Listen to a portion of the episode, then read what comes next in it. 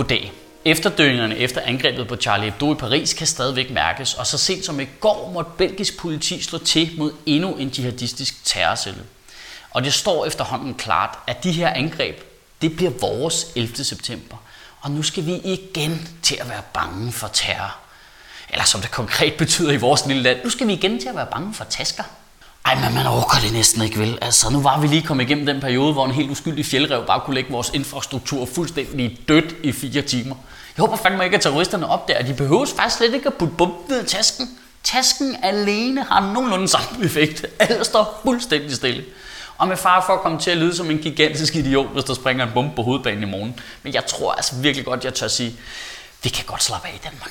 Der, der, der, der sker ikke noget. Det, det er helt fredeligt, altså. Der kunne faktisk komme 50 angreb i morgen, og der vil formentlig ikke ske dig noget alligevel. Og du vinder heller ikke i lotto. Terror og lotto, det er nogenlunde samme markedsføringsprincip. De vil virkelig gerne have dig til at tro, at det kan blive dig, der bliver ramt, men sandsynligheden er ikke eksisterende.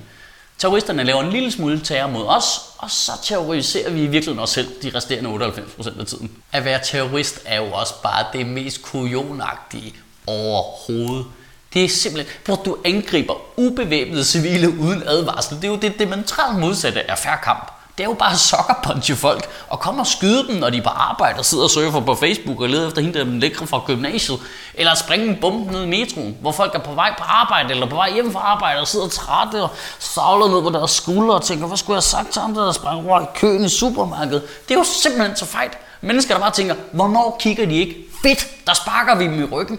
Det er jo helt vildt at gøre noget så æresløst, fordi du føler, at din ære er blevet krænket. Jeg kan at sige det. Jeg, jeg tror simpelthen ikke, de havde den ære til at starte med. Folk, der giver deres liv for en sag, det er jo også det dummeste nogensinde.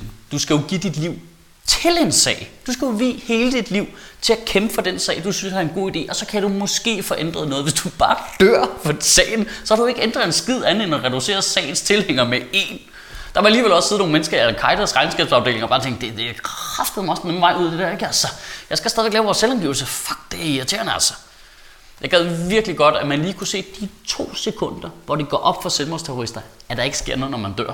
Det kunne bare være mega fedt. Du lige kunne få lov at se hele deres verdensbillede bare krølle sig sammen på to sekunder, når de løber ind i stedet og råber jihad, bum, og så bare uendelig mørke. Og så lige lyden af Nelson fra Simpsons. Der er jo så uendelig meget selvmodsigelse i religion, at man jo får ondt ind i hjernen af at tænke på det. Jeg elsker, hvordan de her hellige krigere altid fordømmer vestens dekadence og vores moralske forfald, men samtidig så sælger de deres eget budskab med sex. Det gør de jo. Hvis du dør i hellig krig, så kommer du i himlen og får 72 jomfruer. Det er jo ikke for at spille backgammon med dem nu. Det er jo så, du kan have dem for dig selv og bare knalde løs. Alle, der er døde i hellig krig, har jo bare haft porno kørt på nethinden lige inden de døde. Der er noget vildt, vildt, vidunderligt selvmodsigende i, at alle de der salafister altid fordømmer alt med kvinder. De skal være tildækket, du må ikke snakke med dem, du må ikke noget som helst. Men hvis du lige gør sådan en lille tjeneste, så er der fise. Jeg tror, vi gør os selv en meget, meget stor tjeneste, hvis vi alle sammen lige husker på, at der har jo faktisk altid været terror. Før det her øh, Al-Qaida-ballade Mohammed-fis, der er gang i nu, så var det jo PLO, der kaprede fly i 70'erne.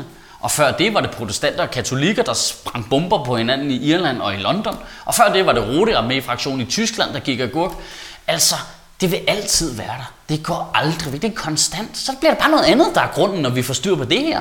Så bliver det hackergrupper, der springer kraftværker i luften, eller også så bliver det en eller anden form for økoterror, hvor de putter spæld i alle vores tebirkes, eller et eller andet tredje fuldstændig utilgiveligt shit. Så i ugen, der kommer, der synes jeg, at vi alle sammen lige bør sætte os ned og kigge rundt i vores eget liv og lige stille os selv spørgsmålet, er der egentlig noget, der har ændret sig efter angrebet i Paris? Er der noget som helst, der er anderledes?